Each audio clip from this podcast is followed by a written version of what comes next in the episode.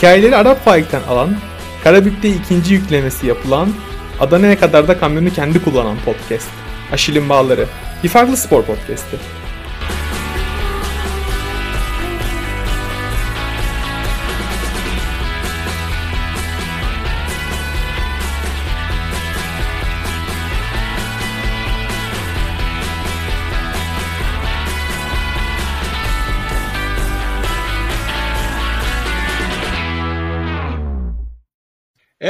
Merhaba. Aşil'in Bağları'na hoş geldiniz. Bugünkü konuğumuz çok genç bir orta oyuncusu olan Yasemin Elmas. Merhaba Yasemin, nasılsın? Merhaba, iyiyim. Teşekkür ederim. Siz nasılsınız? Biz de iyiyiz, ne yapalım? Uğraşıyoruz işte, hayat gailesi malum. Ya öncelikle hani biraz seni tanıyabilir miyiz? İşte senin kariyerini, işte hayatını birazcık bize kısaca özetleyebilir misin? Tabii ki, tabii ki. Ben Yasemin Elmas. Uzun zamandır sporun içindeyim. Spor hayatıma Enka'da yüzmeyle ve tenisle başladım. Daha sonrasında da voleybolda Eczacıbaşı'nda spor okulunda tanışıp altyapıya seçildim ve voleybol kariyerim başladı. Şu anda da TED İstanbul Koleji'nde okumaktayım. TED İstanbul Koleji mezun olacağım bu sene. ve seneye de Seattle University'de hem sporcu hem de öğrenci olarak yer alacağım. Özetle. Mükemmel ya. Gerçekten çok iyi bir kariyer. Seattle Üniversitesi'ne kabul edildiğin için ayrıca tebrik ederim. Çok teşekkür ederim. Yani gerçekten ya şey birçok voleybolcu gidiyor şu aralar hani özellikle genç voleybolcularımızın Amerika'ya gittiğini görmek bir yandan güzel bir yandan kötü aslında. Çünkü ülkemiz değerlerini yitiriyor. Keşke bizim ülkemizde o kadar iyi imkanlar olsa da sizi oralara göndermek durumunda kalmasak. Ama senin içine dair tecrübe olacağını inanıyorum. Sen hani hangi okula şey hangi okul demişim hangi okul hangi bölüm için gidiyorsun oraya? Ben şöyle business okuyacağım yani Albert School of Business and Economics diye geçen bir bölüm altında ben marketing ya da management okumak istiyorum. Bir yandan da strategic communication yani stratejik iletişim okumayı istiyorum. Bakalım bir sene kararsız kalma gibi bir imkanı sunuyor bana okul ama belli gibi kafamda bir şeyler. Çok güzel ya gerçekten. İngilizcem falan da iyi herhalde diye düşünüyorum. Çünkü hani aksanın falan anladığım kadarıyla bayağı iyi. Yani TED İstanbul, TED İstanbul Koleji öğrencisi olmanın ayrıcalığı diyelim. Wow. İstanbul Koleji çok iyiymiş. Ya gerçekten hani bir yandan dediğim gibi bir yandan sizleri burada görmek sizin gibi genç sporcuların hani Amerika'ya kabul alması falan çok güzel bir şey. Ama bir yandan da bir, biraz buruluyor içimiz. Hani buna da şimdi şey yapamayacağım. E, umarız hani dönme planın var mı tekrar Amerika'dan Türkiye'ye yoksa hani Amerika'da mı kariyerini sürdürmeyi düşünüyorsun? Tabii ki var. Tabii çok erken bir soru ama. ya tabii ki var hani orada kalma gibi bir düşüncem de var ama şu anda nasıl olur bilemiyorum. Sizin dediğiniz gibi aslında bir sürü elit voleybolcu mahalle hem maalesef hem de iyi ki Amerika'ya tercih ediyor. Çünkü bahsettiğim gibi aslında eğitim ve spor eşit gittiği için Amerika böyle bir fırsat sunduğu için çoğu sporcu bunu tercih ediyor. Türkiye benim gözlemimde de birincilikte takım arkadaşlarımdan farklı takımlarda da bulundum. Farklı takım arkadaşlarımın da arkadaşlarımdan da gözlemleme fırsatım oldu açıkçası. Maalesef sporla e, eğitim eşit gidemiyor. Yani bu bir seçenek haline gelmek zorunda kalıyor. Ben bahsettiğim gibi TED İstanbul'da okuyorum ve çocukluğumdan beri sporla akademik her zaman eşit gitti hayatımda. Hiçbir zaman birinden feragat etmek istemedim. Ne spordan ne akademik tarafımdan ama birincilikte deneyimlediğim kadarıyla da maalesef birinden biri birazcık silmek, feragat etmek zorunda kalıyorsun diyebilirim. Ya gerçekten aslında üzüntü verici. Ben hani genel bütün podcastler genelde işte bundan önce sevgili Beyza Bektaşoğlu ile konuştuk yine. Ondan önce İrem Uçar'la konuştuk. O da Amerika'da kariyerini sürdürüyor. Evet. Beyza da kariyerini orada sürdürüyor vesaire.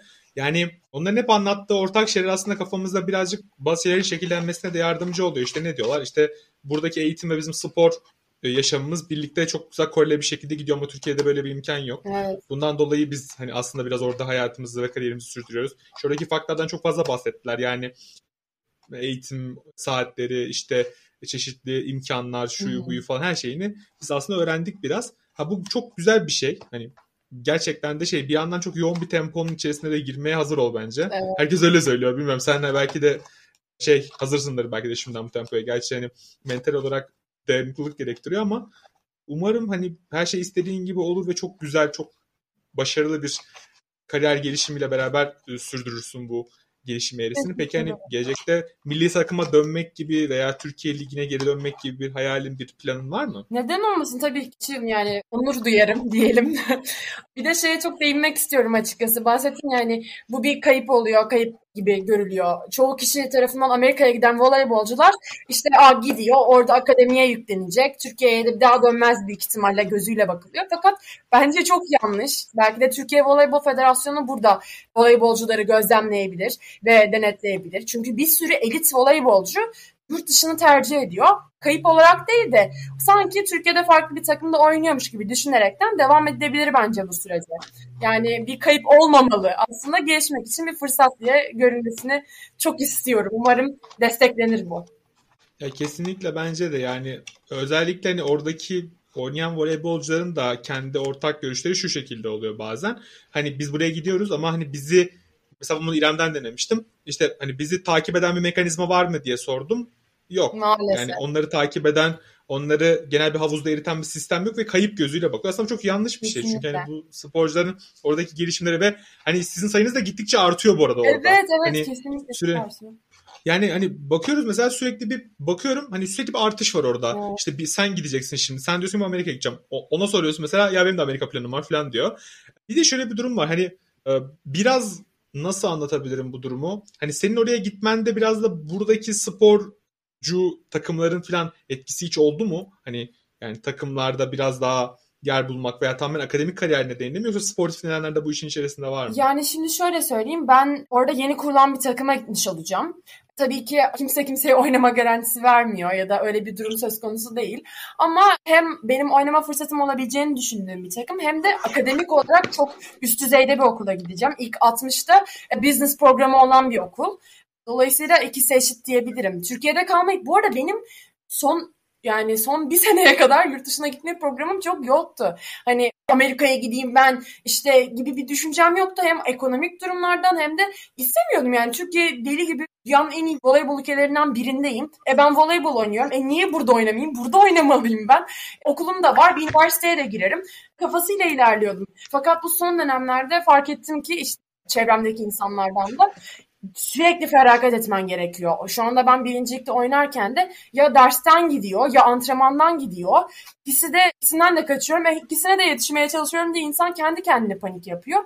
Bu Amerikalı koçların beni gözlemleme sürecinde de bana hep bunu ısrarla söylediler işte bak biz ders programlarına bakarak senin antrenman programını ayarlıyoruz Yasemin. Bizim sana söyleyebileceğimiz ve seni en rahatlatabilecek şey bence bu diyerekten beni böyle rahatlatarak kendi yönlerine çekmeye çalıştılar diyebilirim.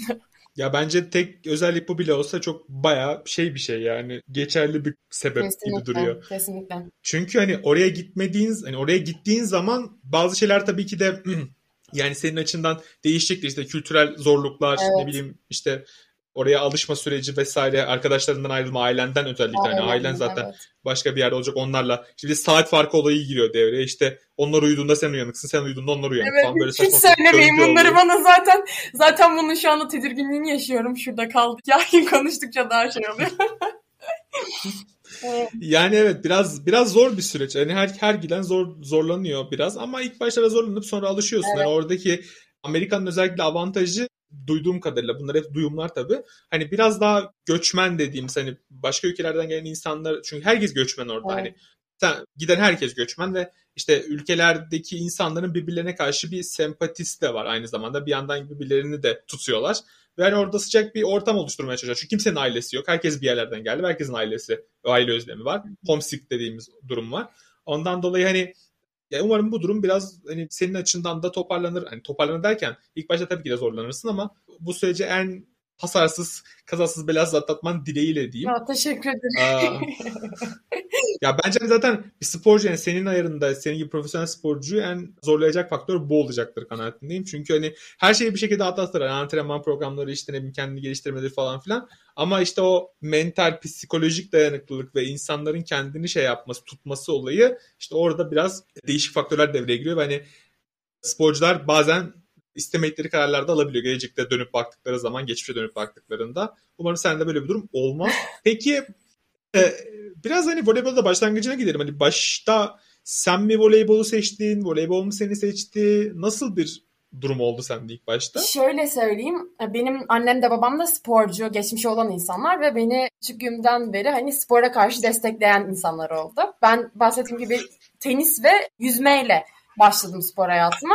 Enka'da yüzücü takımdaydım, yarışçı takımdaydım. Fakat ikisi de bireysel sporlardı. Eczacı'da bir deneme antrenmanına katılmıştım bu spor okulunun. Sonra dedim ki ya ben deli miyim? Niye ben bireysel bir şey yapıyorum? Bu sevinci kazanma hırsını insanlarla paylaşmak kadar zevkli bir şey yok diyerekten Eczacı'da önce spor okuluna başladım. Daha sonrasından da altyapıya seçildim ve spor hayatım başladı. ya bir şey diyeceğim. Ben hani yüzme takımında dediğinizde ben şimdi direkt ayakkabım boya gitti de senin boyun gerçekten 2 metre mi? Hani benim, yani benim boyum 2 metre değil. İnternette ben de kendimi search ettim buraya girmeden önce bir araştırayım. Ve şey 2 metre en iyisi fakat... kendine bakacaksın önce. Evet, benim ben, benimle ilgili ne yazıyor internette? yani ben 2 metre değilim. 1.90 boyum. Ayakkabıyla 1.92 oluyor diyebiliriz yani. Uzunum birazcık. birazcık olmuyor. Birazcık yani uzunuz. 1.90. Yo, o 1.92 çok ya. 1.92. Peki ailen genetik olarak uzun mu? Benim babam 2 metre. Annem de 1.80 var yani. o zaman tamam. Uzunuz. Birazcık zaman, uzunuz. Genetikte uzun. boşnaklık, Genet... Kafkaslık da mevcut. Ee, oh, dolayısıyla tamam. uzunuz biraz. Uzunsunuz. Biraz uzunmuşsunuz. Hakikaten uzunmuşsunuz yani. Ya şöyle ben 1.90 boyu hayal edemiyorum. Hani 1.80'e kadar tamamım. 1.90 ve üzeri bende yok. Ama yani uygun bir spor. Gerçi hani yüzme falan biraz tabii şey oluyor. Hani sana daha uygun gibi aslında ama tabii voleybol olunca işin içinde sıçrama kabiliyeti falan bir de orta oyuncular için inanılmaz bir şey kombinasyon diyeyim. Bir de hani yüzmede de bir şey var ya hani o işte geniş omuzlar bilmem ne hani evet. o gelişme vücut gelişimde de etkili oluyor. Kesinlikle. Yani ben yüzmeyi wow. küçükken yaptığım için çok şanslı hissediyorum kendimi. Yani yüzme, atletizm bunlar çok destekleyici sporlar voleybolu. Ve oradan sonra voleybola geçmek büyük avantaj oldu benim için. Yani ben en azından öyle düşünüyorum. Peki tenisi hiç düşünmedin mi bir daha? Yani bir daha biraz daha tenis yapayım. Yok düşünmedim. Ya ben tenis oynuyordum. E, benim tenise beraber başladığım arkadaşım şu anda tenis milli takımında oynuyor. Yani çok başarılı bir kız oldu. Ama benim tenis maçın tenis antrenmanına girmeden önce voleybol maçı izlemiştim. Bu Eczacıbaşı Vakıfbank derbisi vardı. E, ben de onu televizyondan izlemiştik. Ailem de iyiydi. Daha sonrasında tenis antrenmanına girince bu yere atlıyorlar ya voleybolda işte planjana atlıyoruz. Hı hı. Ben bunu görmüşüm küçükken tenis sahasını voleybol sahası zannederekten yere atlıyorum ve dizlerim paramparça oluyor. o sonra da işte voleybola dedim ki ben voleybol, voleybol benim için iyidir. Çok mantıklı bir karar gerçekten. Yani plonjon yapmak ya da plonjon değişik bir şey yani. yani değişik bir his. Kalecilerde de var bu mesela bu futbolda kalecilerde de plonjon olayı var da voleyboldaki gibi değil yani. O kadar atletik atlamıyorsun. Teniste hele böyle bir şey söz konusu bile değil. Yok değil. Yaparsan sonuçlarını biliyorsun zaten nasıl bir şey olduğunu. Denendi. Denendi önerilmiyor. Denendi. Çok güzel ya. Çok iyi. Peki yani dediğin nokta aslında şöyle hani hangi sene olduğunu bilmiyorum ama tahminen bizim voleybol artık yavaş yavaş medyada yer bulmaya başladığı zamanlar olması lazım. Eczacıbaşı Vakıfbank için söylüyorum. Hı hı. Sen başladığın döneme göre voleybol iklimini şu ana göre kıyaslarsan bir analiz yapabilir misin hani bize? Nasıl nasıl değerlendiriyorsun bu şeyi? Tabii ki. Yani şöyle benim işte başladığım dönemde bu Eczacı'da bir spor okulundaydık ve benim başladığım dönemde işte Neslihan Derner'ler, Jordan Larson'lar, Maya Polyak'lar falan vardı. Hepsi aynı sahanın içindeydi. Tam bir böyle dream team'di. Ben onların onların yanına top topluyordum falan böyle. Onlara top vermek benim için böyle böyle dream come true'ydu yani gerçekten. Dolayısıyla onların döneminde bana o sağ kocaman geliyordu. Mesela şimdiki Eczacıbaşı'nın sahasını e, biliyor musunuz Göktürk yolunda.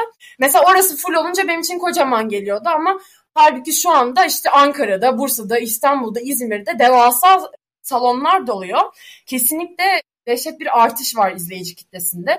Benim oynadığım lige birinci ligde bile şu anda maçlara biletler alınıyor ve geliniyor ve e, çok keyifli taraftarla oynamak kadar güzel bir şey yok bence. Bütün o enerjiyi, atmosferi size aslında taraftar da yaşatmış oluyor. Çok e, güzel bir artış var ve çok mutlu ediyor bizi. Peki taraftar kitlesini nasıl değerlendiriyorsun? Size işte yönelen taraftarların genel bakış açıları size nasıl yaklaşıyorlar? Hani biraz daha futbol seyircisi mi geliyor yoksa daha voleybolu bilen bir kitle mi size yaklaşıyor? Yani kitleden kitleye değişiyor. Şimdi şöyle tabii ki fanatikler mevcut ama voleybolu bilen ve sevdalısı olan çok başladı. Uzun zamandır izleyicisi olanlar da var. Böyle karma bir kitle var ve hepsinin ortak amacı o kadın voleybolunu desteklemek olduğu için bize çok güzel geliyor. Çok mutlu oluyoruz. Şahsen ben çok seviniyorum. Orada arkamda bağıran insanlar olması. İşte hadi Yasemin, bravo Yasemin, devam yaparsın. Orada hiç tanımasam da bir bağ kurmuş oluyorsun yani. Çok özel bir şey bence. Çok kıymetli. Bence de. Ya biliyor musun bu noktada benim aklıma hep şey geliyor. Zeynep Seda Uslu'nun yorumları geliyor. Çok da değerli yorumlardı bence. Ben aynı soruyu ona da sordum ve beni düzeltti. Bana dedi ki kendisine kulakları çınlasın. Kadın voleybolu zaten hani artık amiral gemi olma yolunda demişti. yani hani şu anda voleybol aslında gerçekten de voleybol baktığım zaman ben o perspektiften baktığım zaman gerçekten de kadın voleybol, e, kadın voleybol demeyelim. Voleybol artık Türkiye'de gerçekten birinci spor oldu. Yani bu yatsınamaz bir gerçek. Çünkü futbol ağırlıklı bir spor medyamız ve spor kültürümüz, evet. spor iklimimiz varken futbolda hiç başarı kazanamıyoruz. Hani başarılı olamıyoruz. İşte bazı şeyler eksik kalıyor vesaire falan filan. Bundan dolayı şu anda kadın voleyboluna ciddi bir ilgi var. Mesela ben işte bugün Kupa Voley finali vardı. Vakıfbank kazandı. Evet. Onları da tebrik ediyoruz buradan. Ee, o kupa finaline biletler günler öncesinden bitti. Evet yani Ankara'da. mükemmel bir şey bu yani. Tabii ki işte futbola da önem olsun. Tabii ki diğer sporlarla biz bizim Türkiye olarak amacımız sadece voleybol ülkesi değil. Spor ülkesi olmak olmalı kesinlikle birinci bence hedef. Fakat voleybol olan ilgi de beni mutlu ediyor. Diyemem yani çok mutlu oluyoruz. Çok seviniyoruz. Spor bütün takımlar da aslında bunu destekliyor. Bugün e, Vakıfbank'ın yardımcı yöneticisi de konuşma yaptı. Gerçekten bütün kulüpler kulüplerin voleybol olan özel ilgisi çok destekliyor diyebilirim. Birincilikler olsun, ikincilikler olsun, Sultanlar Ligi olsun. İnanılmaz güzel bütçeler ayrılıyor, inanılmaz güzel takımlar kuruluyor. Kesinlikle yani hem inanılmaz güzel takımlar kuruluyor hem de bir yandan da bu takımlara yani hani öyle hani parayı koyduk hani artık o oyuncuları bırakalım falan öyle bir şey kesinlikle yok. Hepsine destek, işte gereken maddi manevi her türlü destek yapılıyor. Hı hı. Bu da çok güzel bir şey aslında. Kesinlikle. Bir yandan da sen hani Fenerbahçe forması da giydin. Evet. Kariyerine Fenerbahçe'de oynamak da vardı. Ben benim takımım. Yani ne diyeyim. çok güzel takım ya Fenerbahçe. ne güzel. Sen ne ben büyük bir takımın formasını giymek nasıl bir his? Ya Fenerbahçe dönemin benim için çok keyifli geçti. Gerçekten Fenerbahçe hala Fenerbahçe ile içli dışlıyım. Fenerbahçeli oldum resmen. yani Fenerbahçe'de oynayınca öyle bir şey oluyor diyebilirim. Hipnozunu, hipnozunu alıyor insanları. Çok keyifliydi. Biz Türkiye şampiyonu olduk genç takımla beraber. Öyle bir e, şampiyonluğumuz da oldu. Dolayısıyla Fener'in her zaman yeri bende ayrıdır. Aynı zamanda ikincilik ve birincilik yani profesyonel olmaya da ben Fenerbahçe'de başladım. Dolayısıyla yeri her zaman ayrı. Çok keyifli mücadeleler verdik. Derbiler oynadık. Dolayısıyla yeri çok ayrıdır Fenerbahçe'nin benim için. ya bu, bu noktada şöyle bir durum var. Şimdi mesela hani baktığımızda işte o Fenerbahçe taraftar bugün mesela neydi? Ha taraftarlar bir ara böyle bayağı bir galeyana gelip Vakıfbank'a hakaret eden bazı hakaretlik tezahüratlar yapmaya başladıklarında Eder'den bir anda çıkıp bütün taraftarı susturdu ve tarafta sustu. Yani çok enteresan bir şekilde sustu. Çok çok ilginçti o, o an. Hani sesini duyduk biz Eder Erdem'in televizyondan. Ya bana çok enteresan geldi. Hani bir yandan şunu düşündüm o an hani ya Vakıfbank'la alıp veremediğin ne olabilir yani bir insanın. Ama bir yandan da hani bu rekabetin çekici yönde biraz cezbediyor aslında. Çünkü Fenerbahçe ve Vakıfbank hep bir artık şey rekabet içerisinde. Evet. Eczacıbaşı biraz daha geri planda. Ee, hani bir yandan da ben şey de merak ediyorum. Mesela hani o rekabetin bir tarafında olduğun için soruyorum sana. Yani şeyli olduğun için hani o rekabeti yaşadığın için soruyorum. Ne nasıl bir baskı hissediliyor büyük takımda oynamakla işte ne bileyim şu anda mesela İstanbul Belediye'de oynadın şimdi Seattle'a gideceksin tamam ayrı bir macera ama hani aralarındaki farklar ne sence iki, iki takım arasında tabii çok fark vardır ama hani yaşayan birinden dinlemek tabii ayrı bir durum. Ya şöyle bizim İstanbul Büyükşehir Belediye'de de bizim taraftarımız oldu. Onlar da bir kitle oluşturmaya çalışıyorlar. Fakat tabii ki Fenerbahçe taraftarının yeri ayrı diyebilirim onu rahatlıkla. Fenerbahçe taraftarıyla oynamak çok keyifli ama bir yandan da futbolun verdiği fanatikliği de yansıtıyorlar. Ben bence Daldo'nun yaptığı çok takdire şayandı. Orada sonuçta karşı takımda oynayan her ne kadar rakipleri olsa da, vakıf da olsa, eczacı da olsa karşı takımda oynayanlar da kadın oyuncular ve insanlar. Dolayısıyla kimsenin böyle bir ne bileyim küfürle ya da e, herhangi bir argoyla karşılaşması sportmenliğe aykırı zaten.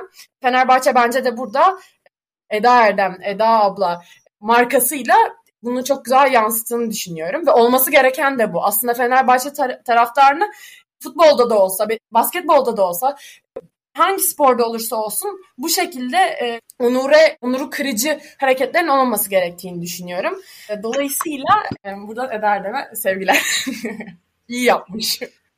İyi ki de Eder'den... demek ki taraftarın üstünde de çok güzel bir etkisi varmış da taraftar da susmuş. Bu da çok güzel bir şey. Demek ki insanlar yönetilebiliyor barışık bununla ve birbirleriyle iletişim kurabiliyorlar. Ne mutlu Fenerbahçe diyeyim. Peki Eda Erdem dedin, Eda abla dedin. Eda Erdem'i hani yerde Fenerbahçe'deyken yakın temasta bulunmuşsundur onlarla işte Eda Erdem'le olsun vesaire. Sana Eda Erdem desem sana senin için ne ifade ediyor? Birkaç kelimeyle Eda Erdem deyince bir sürü şey aklıma gelir. İdol gelir, sevgi gelir ve tabii ki kaptan gelir. Yani Eda Erdem e, bir aile bence. Yani bu az önce bahsettiğimiz Fenerbahçe ile olan rakibi, şey taraftarla olan konuşmada da onlar bir aile olmuşlar ki birbirlerini anlayışla karşılayabiliyorlar ve tamam o öyle dedi o zaman öyle yapalım. Birbirlerini anlayışla karşılayabiliyorlar. Eda abla bence çok güzel bir lider. Ben TED'de okuyorum bahsettiğim gibi ve bizim her cuma günü liderlik dersimiz olur. Bizim liderlik derslerinde Che Guevara ile ilgili konuşuyorsak Eda Erdem'le ilgili de konuşmuşuzdur. Çok önemli bir bence insan. Hem kadın olması hem lider olması hem kaptan olması milli takımda ve aynı zamanda Fenerbahçe'de çok önemli. Peki ya şöyle bir şey söyleyeyim. Nasıl anlatabilirim bunu? Tabii Fenerbahçe'de oynamanın bazı şeyleri de var. Hani işte bu kadar idol sporcular karşı oynamak, onların neler yaptıklarını görmek. Sen onlardan hani özellikle Eder'den zaten orta oyuncu. Evet yani idol ve bir örnekle sürekli bizim mesela genç takım antrenmanları oluyordu ya da birincilik antrenmanları oluyordu. Ondan önce çoğunlukla A takımın antrenmanları olurdu. Biz o kenara doğru geçer otururduk ve o A takım antrenmanlarını izlerdik. İşte kenardan köşeden kapı kenarından Aa Eda abla ne yapıyor? Aa işte diğer oyuncular ne yapıyor? Hep sürekli bir izleme aşamasındaydık ve işte yan yana soyunma odasına giriyorsun. O ne konuşursa onu öğrenmeye çalışıyorsun. Çok büyük bir imkan oldu benim için. Böyle bir dünya starıyla, dünya voleybol lideriyle aynı sahada ter dökmek diyebilirim. Peki e, kendine böyle örnek aldığın Eda Erdem dışında başka orta oyuncular var mı? Yurt dışında takip ettiğin veya hani bizim daha az takip ettiğimiz e, voleybolcular var mı? Benim erkek voleybolundan bir tane beğendiğim Almanya milli takımında da forma giyen Tobias var. Bence çok iyi bir orta oyuncu. Ama e, kadın voleybolunda şu anda e, Türkiye'ye daha hakimim diyebilirim. Türkiye'de de Eda Erdem bunun en iyi örneği ki Eda Erdem dünyadaki en iyi örneği diyebiliriz. Yani onun her maçını izleyip onun bütün davranışlarını örnek almak yeterli olacaktır diye düşünüyorum. Diyorsun. evet. Bu kadar da iddialıyım Eda Erdem konusunda. wow. Yani gerçekten değişik bir yaklaşım. Ama şey hani değişik derken şöyle şimdi mesela bir yandan da bazı voleybolcular daha farklı. Mesela işte ben buraya atıyorum Vakıfbank'tan birini konu kalmış olsaydım o da Zehra Güneş diyebilirdi yani çok rahat bir şekilde. Bence işte Zehra Güneş de bahsettiğin gibi gerçekten iyi bir orta oyuncu. Kübra Akman da çok başarılı. Ama Eda Erdem Türkiye Ligi'nde oynuyorken benim örnek vereceğim bir insan varsa o Eda Erdem'dir. Bu kadar. Next question. Tamam anlaşıldı. Peki ya mesela hani şey de çalışmalarına hani bakıyoruz derken biraz oraya da girmek istiyorum. Şimdi mesela atıyorum e, orta oyuncuların hani değiş çalışma sistemleri var. Hani biraz daha farklı bir pozisyon olduğunuz için biraz daha bloğa yönelik ve savunma yönelik. Bir yandan da hani hücumun da bir parçasısınız. Hı hı. Hani mesela pasör, pasörlük farklı bir durum. Hani pasör işte daha oyun kurucu, daha her yere hakim olması gereken ve daha asist planlı bir temeli var. İşte smaçörün belli, pasör çaprazının belli ama sizin biraz daha hani her işi yaparız abi gibi. Koşturmaca. yani koşturmaca hani, hani ne iş olsa yaparız hani. Bloksa blok yani. yani anladın mı? Öyle şey gibi. iki tane kuleyi koyuyorsun. Hani çat çut blok vuruyor yani. Mesela ben hiç 1.50 orta oyuncu hayal edemiyorum. 1.50 orta oyuncu olursa yani biraz sıkıntı gibime geliyor. Yani, hani o hayalimde canlanmıyor benim. Yani Yanlış mı düşünüyorum? Şöyle tabii ki kısa orta oyuncular da var. Mesela yani çok ama 1.90 deyince insanların gözünde çok şey oluyor. Büyüyor ama aslında 1.90 Dan çok daha uzun boylu insanlar da var. 2 metre olanlar var. 2.5 olan var. 2.10 olan var. Dolayısıyla maksat orta oyuncuda boydan çok çabukluk ve bence sertlikle alakalı. Çünkü bir orta oyuncunun ayakları çok hızlı olmalı ve sert olmalı. Hem blok açısından hem de atak açısından. Dediğim gibi bizim işimiz hiçbir şekilde bitmiyor. Önde zaten her yerdeyiz. Sağdayız, soldayız, ortadayız. E, sürekli bir yerlere fake koşusu yapıyoruz. Arkaya gelince servis atıyoruz, defansa giriyoruz. Bir servis karşılamıyoruz zaten onu da yapmayalım yani. Onu da liberolara bırakalım artık. Ama dediğiniz gibi birazcık koşuşturmalı bir pozisyon. Her ne kadar çok keyifli olsa da. Ben çocukluğumdan beri orta oyuncu oynuyorum.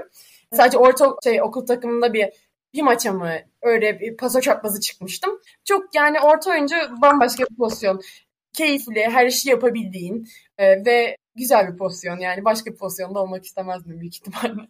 Orta oyunculuk gerçekten çok değişik bir pozisyon ya. Benim hani düşündüğüm kadarıyla biraz farklı bir pozisyon. Peki orta oyuncu bir orta oyuncu ne ne gibi şeylere dikkat Mesela bir libero'nun çalışma planları bellidir. İşte daha defans ağırlıklı çalışır. Smaçör daha sıçramaya ve zıplamaya yönelik çalışır.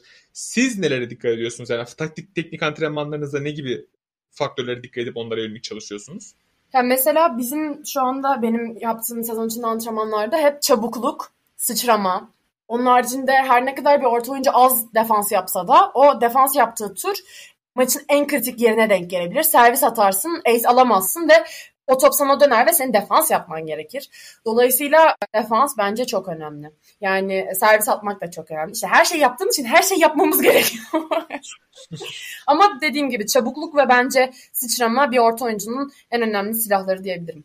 Evet, çabukluk ve hani şey tabii yani şey sizden kimse bir ace atmanızı beklemiyor tabii ki. Yani bir paso çaprazı gibi ace atın veya sayı bu kadar sayı katkıda bunu falan diye beklemiyor kimse ama hani daha e, farklı bir rol aslında hani orta oyuncu dediğim gibi ben çok fazla tanımlanabilecek, tanımlanabilecek bir şey değil. Aslında bir yandan da zorlukları da aslında bu tanımlanamazlığı biraz da zorluğundan kaynaklanıyor. Çünkü her işi yapmak zorundasın kesinlikle, bir yandan da. Kesinlikle. Yani hem her şeye her şeyde etkili bir oyuncu olman lazım. Hem de ne yapıyorsun deyince işte blok yapıyorum, atak yapıyorum oluyor.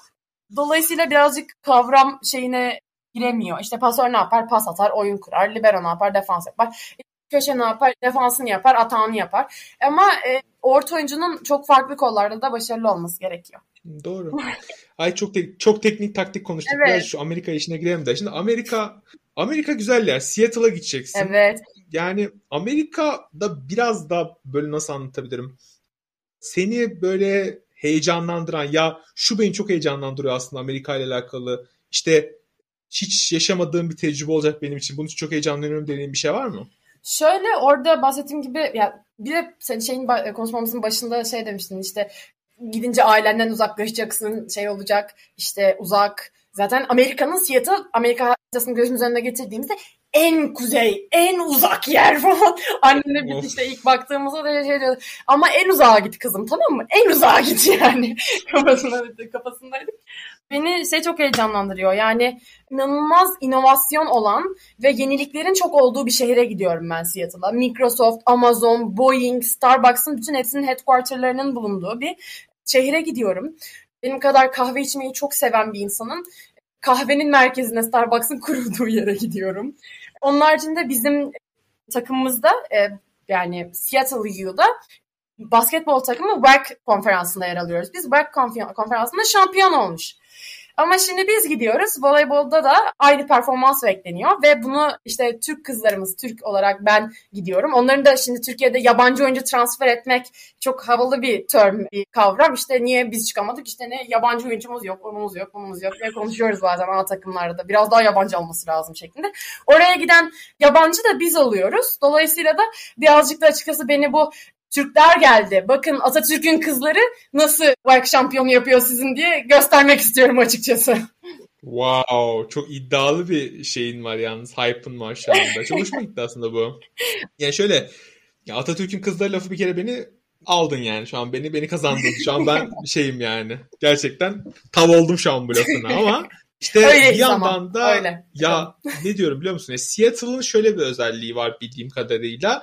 Seattle Supersonics zamanında NBA'de çok sepkürleyen bir takımdı. Çok ciddi oyuncular yetiştirmiş bir kulüptü. İşte Kevin Durant'ın falan eski takımı. Kevin Durant'tan önce Gary Payton'lar, işte ne bileyim e, Sean Kemp'ler falan onların oynadığı bir kulüpte. Hani Seattle'ın kapanması, Seattle Supersonics'in kapanması başlı başına bir vaka. Hani onu bir 4 saat falan konuşmamız lazım. Onunla hiç girmiyorum. Ama hani Seattle işte şey var mesela Seattle'ın hakları Oklahoma'ya devredildikten sonra cidden Seattle'ın bir basketbola açlığı var ve hani voleybolda siz gidiyorsunuz. Orada bir rekabetçi bir ortama gidiyorsunuz ve Seattle seyircisinin bence profesyonel spora, profesyonel rekabete olan açlığı çok ciddi boyutlarda. Kesinlikle. Yani bir tek Amerikan futbolu var NFL'de. İşte Seattle Seahawks mevcut şu anda. Onlar da çok başarılı, evet. çok başarılı bir takım. Fakat İşte biz gidince de Seattle University Women's Volleyball diye kocaman yazacak yani orada. Bu müthiş bir şey yani. Bu gerçekten çok güzel bir şey. O kadar güzel bir şey ki. Ve bir yandan da senin böyle bir oluşumun içinde olduğunu görmek, bu oluşumun ilk parçalarından biri olduğunu görmek aynı zamanda bir gurur vesilesi. Tabii şöyle bir durum var. Amerikalılar genelde vefa kavramını çok kullanan bir ülke. Yani bizde mesela atıyorum kur, kimse ne, nasıl kuruldu falan bakmaz. Kuruluşu komple değiştirirler. Baştan yeni bir yenisini yaparlar. O kurulan o temeller şey olur ama sen oranın kuruluşuna gidiyorsun. Hı hı. Belki bir iki sene sonra çok daha orada tecrübe kazanacaksın elbette ki. Kesinlikle. Ve hani çok daha iyi yerlere geleceksin. Bir yandan işte business okuyacağım diyorsun. Business için de çok iyi bir yer Seattle. Hani işte bahsettiğin headquarter'lar vesaire falan. Ya çok güzel ya. Yani gerçekten çok güzel. Peki hani mesela Seattle seçerken de bu noktada bu business okumayı kafana koyduğunda hani şehrin özelliklerine falan baktın mı yoksa tamamen orası sana daha farklı spor imkanları sunduğu için, sportif anlamda imkanlar sunduğu için mi o şehri seçtin? Ya şöyle söyleyeyim, ben bir sürü farklı okulla konuştum. Farklı farklı koçlar benimle ilgilendi. Fakat Seattle, ben business okumak istediğim için benim özellikle çok ilgimi çekmişti. Business okuyacaksam Seattle'da okumalıyım kafasıyla gitmiştim. Aynı zamanda da voleybol takımından benim Fener'den bir arkadaşım vardı. Yani yeni kurulmuş gibi, şimdi bizi dinleyenler anlamayabilir. Yeni kurulan bir takım değil. Daha önceden de köklü bir okul, çok köklü bir okul. Daha önceden de voleybol takımı var. Fakat şimdi koçları değişti. Çok başarılı bir koç geldi ve e, daha fazla takıma Türk getirip takımı ayaklandırmak istiyor diyelim. Ve hani bak şampiyonu olmak istiyor. Benim de Seattle'a gitmemde en büyük şeylerden bir tanesi işte bahsettiğim gibi hem business açısından çok büyük imkanlar sağlaması hem de takımı kuvvetlendirmek ve hem takımın bana ihtiyacı olması hem de benim keyifli bir şekilde voleybol oynamam diyebilirim. Gerçekten de yani senin sözlerini dinledikçe ne kadar bilinçli bir tercih yaptığını çok net bir şekilde anlıyorum. Ya gerçekten mükemmel ya. Umarım yani yolun çok açık olur. Peki çok içten bir soru soracağım ya. Tabii. Bunu gerçekten samimiyetle soruyorum. Hazır mısın? Hazırım. Hazırsın, hazırım diyorsun. evet. Yani. Çok iyi. Ya umarım çok daha iyi yerlere gelirsin ya. Ben hani gerçekten bunu içtenlikle söylüyorum. Çok Çünkü ederim. çok çok başarılı böyle kariyeri iyi olan bir yandan kendi işte eğitimini eline almış ayrı bir sektörde diyorum ben işte voleybol kariyeri bittikten sonra da ayrı bir sektörde devam etme potansiyeli olacak sporculara çok ihtiyacımız var ülke olarak ve bu durum bence harika bir durum. Umarım olur. Ne diyeyim? Yani her şey senin için çok güzel olur diyebilirim inşallah. Çok teşekkür ederim. Peki son olarak sana şunu sormak istiyorum. İleride senin yolunu takip etmek isteyen genç sporculara, gençlere ne gibi tavsiyelerin var? Şimdi şöyle. Ben voleybolu gerçekten delicesine severek başladım. En başından beri Onu anladık, onu çok biliyoruz. sevdim. Onu, onu anladık. Onu anladık biz. Tenis tenis sahasında plonjon yaptığın zaman biz onu anlamıştık. Gerçekten biraz öyle oldu. Yani çok severek başladım. Ben sakatlıklar da yaşadım. Ama yani ayağımı kırdım ve devam ettim. Yani ben ayağımı kırdığımda bile hani şey diyordum. Ya doktor bırak hadi çabuk sar da biz gidelim hani. Ben yarın antrenmana çıkayım. İki gün sonra maç var hani beni bırakın kafasıyla ilerliyordum ve çok sevmenin ne kadar önemli olduğunu profesyonellik arttıkça daha çok fark ediyorsun. Çünkü senin bütün hayatın bu oluyor. Hem bizim çift her gün haftada üç gün çift antrenmanımız oluyor. Sabah antrenman, okul, sonra akşam tekrar antrenman, arada halter antrenmanı. Sürekli antrenmandasın ve sosyal hayatın sıfır. Çok işte diyordu işte Yasemin sen nasıl deşarj, deşarj olacaksın işte nasıl, nasıl hani boş vaktin yok ne yapıyorsun sen sadece işte voleybol okul bu mu yani senin için? Ama bu ben küçüklüğümden beri voleybolla mutlu oluyorum. E, kimisi film izleyerek mutlu olur ben bunu yaparak mutlu oluyorum. Herkese de eğer spor yönünde ilerlemek istiyorsan onu çok sev. Yani seviyorsan yap. Ve o zaman başarı seninle olacaktır diyeyim. Kenan Doğulu'dan gelsin o zaman. Ne yaparsan yap aşkla. Biraz öyle oldu. Arkadan fon müziği giriyorsunuz değil mi? Aynen. Arkadan fon müziği olarak hemen şey radyo programı gibi bağlanıyoruz. Yani şimdi ne yaparsan yap aşkla yap. Bilmem ne FM'de sizinle falan diye böyle giriyoruz. Şey diyeceğim peki hani bunu son olarak sorayım. Bunu da merak ettiğim için soruyorum. Hani spor dışında herhangi bir şeyle ilgileniyor musun? Hani voleybol dışında Tabii bir ki, hobilerin tabii falan. ki. Ben bu arada aşırı da sosyal sorumluluk şeyiyim, yapan bir insanım. Bir sürü farklı konferansta bulundum. MUN, Model United Nations'ta Caretakers of Environment diye 20 farklı ülkenin katıldığı bir konferansta okulumuzda ev sahipliği yapmada görevliydim. Onun haricinde işte koşulara katıldım. Bir sürü gönüllü aktivite yaptım. Aynı zamanda heykel yapıyorum. Piyano Heykel. Evet. Piyano çalıyorum bir yandan. Ee, yazın windsurf yapıyorum. Yani Oo. çok fazla şey de yapıyorum aslında bir yandan diyebilirim. Sen in- inanılmaz ya bu kadar şey nasıl zaman ediyorsun? Windsurfler, Evet. piyanolar. Ya aslında burada zamanını sporun kattığı en güzel şeylerden biri de zamanı iyi kullanmak. Yani sen sevdiğin şeyleri buluyorsun ve spor sayesinde küçüklüğümden beri yaptığım için de zamanı iyi kullanmayı öğrendim. Disipline, öz disiplinini öğreniyorsun. Kendi öz disiplin ediyorsun. En güzel kattığı şeyler de bunlar bana diyebilirim. Vay be piyanolar, windsurfler. Meka harika. Gerçekten harika. Mükemmel.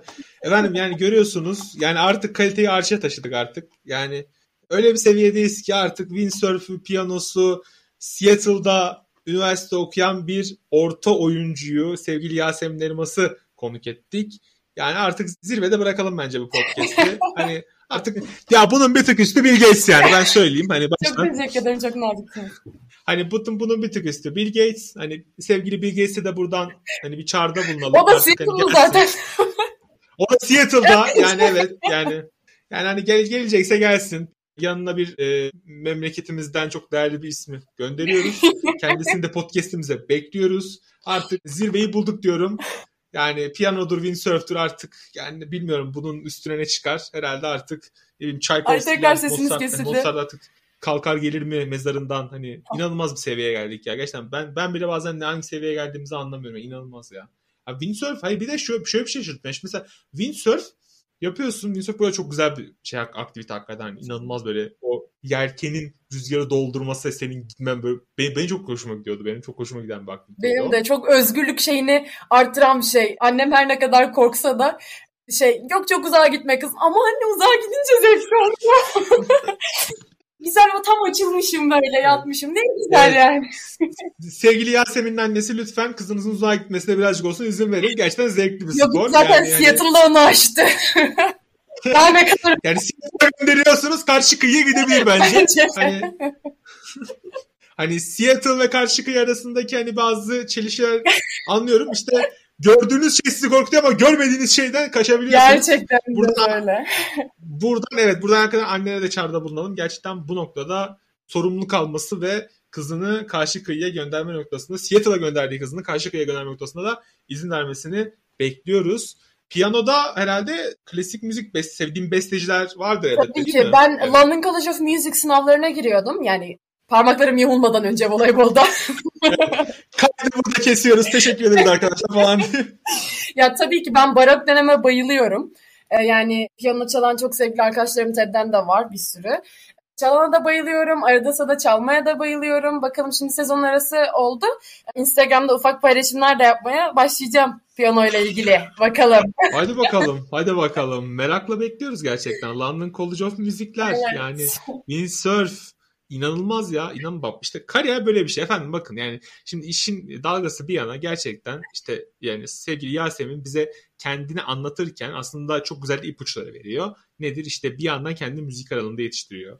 Bir yandan farklı bir spor yapıyor. Bir yandan kendini entelektüel açıdan geliştiriyor. Yani bunlar önemli. Yani bunlar neden önemli? İşte bunlar laf olsun diye önemli olan şeyler değil aslında. Bir sporcunun kendisi. Yani Yasemin 2003 doğumlusun bildiğim Evet kadarıyla. 2003 22 Yani- Kasım. Sonunda. yani 2003'lü bir sporcunun kendini ne kadar yetiştirebildiğini, nerelere gelebildiğini ve neler yapabildiğini ve hani hiçbir şey için aslında bahane yok değil mi? Hani hiçbir şey için hiçbir şeyin bahanesi yok. Yani ben bunu yapamam, şunu yapamam, zamanım yok. İşte zaman her zaman var. Kesinlikle. Kendinizi geliştirmenin sınırı yok. Kendinizi geliştirmenin gerek zamansal olarak da gerek uzamsal olarak da diyeyim hani alan olarak da sınırı yok. Yasemin bence buna harika bir örnek oluşturuyor. Teşekkür ederim. Ee, Peki, tekrar söyleyelim. Anneciğimin babacığımın katkısı da sonsuz. Yani evet anne annenin babanın zaten ben buradaki katkılarını hayal edebiliyorum. Hani bir yandan piyanoyu yetiştirelim, bir yandan işte voleybol, bir yandan teniste işte yaralarını saralım falan. Hani sıkıntı. Yani böyle hani gerçekten kombinezon olarak ciddi manada yorucu bir şey olmalı. Nasıl anlatılır bu? Yorucu bir zaman çizelgesi kesinlikle kesinlikle. diyebilirim. Yani Ama bu tabii bir anlamda işte seni sen yapan özellikler aslında. İşte bizim böyle kalite, böyle entelektüel, böyle bu seviyede genç sporcularımıza ihtiyacımız var. Ve ben inanıyorum ki ilerleyen dönemde seni çok daha iyi yerlerde göreceğimize benim inancım tam. Son sözlerini alarak kapatıyorum. Çok programı. teşekkür ederim Baran Akçay. Ee, beni ağırladığın için Aşil'in tendonlarında. Ee, Aşil'in tendonları nat. Nat Aşil'in tendonları. Aşil, Aşil'in bağları. Aşil'in bağları. Aşil'in tendonları. Aşil, ben, ben sporcu mantalitesiyle tendonlara kaydım. Teşekkürler Yasemin. Sağ ol. Gerçekten hani son olarak güzel bir bomba bırakarak bizi şey noktaya koydun hakikaten. London College of Music ve Aşil'in tendonları diyerek bize. Gerçekten mükemmel. Aşil'in tendonları demek. Vay be. Ama bak hani şöyle bir durum var. Gerçekten ben program adını koyarken de bu algıyı yaratmak istemiştim. Yani Aşil'in ten, Aşil tendonu gelsin akıllara demiştim. Sen direkt ortadan dalarak Aşil'in tendonları dedin ve hani gerçekten programa yeni bir boyut kazandırdın. Çok teşekkür ediyoruz. Artık bundan sonra efendim Aşil'in bağları yok. Aşil'in tendonları ismiyle ilerleyeceğiz. Mesleki deformasyon. Mesleki deformasyon. Yani artık Aşil'in tendonları ismi artık bize layık görüldü. Biz de hatta gelen teveccühü kırmadık ve Aşil'in tendonları olarak. Hatta bölümün üstüne özel Aşil'in tendonları olarak da çıkabiliriz. Bu gerçekten çünkü hani yani şimdi bu kaydı alıyoruz ama şimdi bu kaydı alırken insanların kafası karışabilir yani. Aşil'in tendonları mıydı, bağları mıydı? Aşil'in yani? bağları, düzeltiyoruz Aşil'in bağları. Yok hayır artık Aşil'in tendonlarıyız. Aşil, aş, Aşil'in tendonu bile yani hani böyle şey değil. Hangi bir yerde değil yani. Son sözlerini alalım. Her şey için çok teşekkür ederim. Bu programı yapıp farkındalık kazandırdığınız için size çok teşekkür ederim. Umarım dinleyenler de zevk almıştır. Çok keyifliydi. Teşekkürler. Biz de sana çok teşekkür ederiz katıldığın için. Aşil'in tendonlarından bugünlük bu bölümlük bu kadar efendim. Kendinize çok iyi bakın. Hoşçakalın. Sevgiler.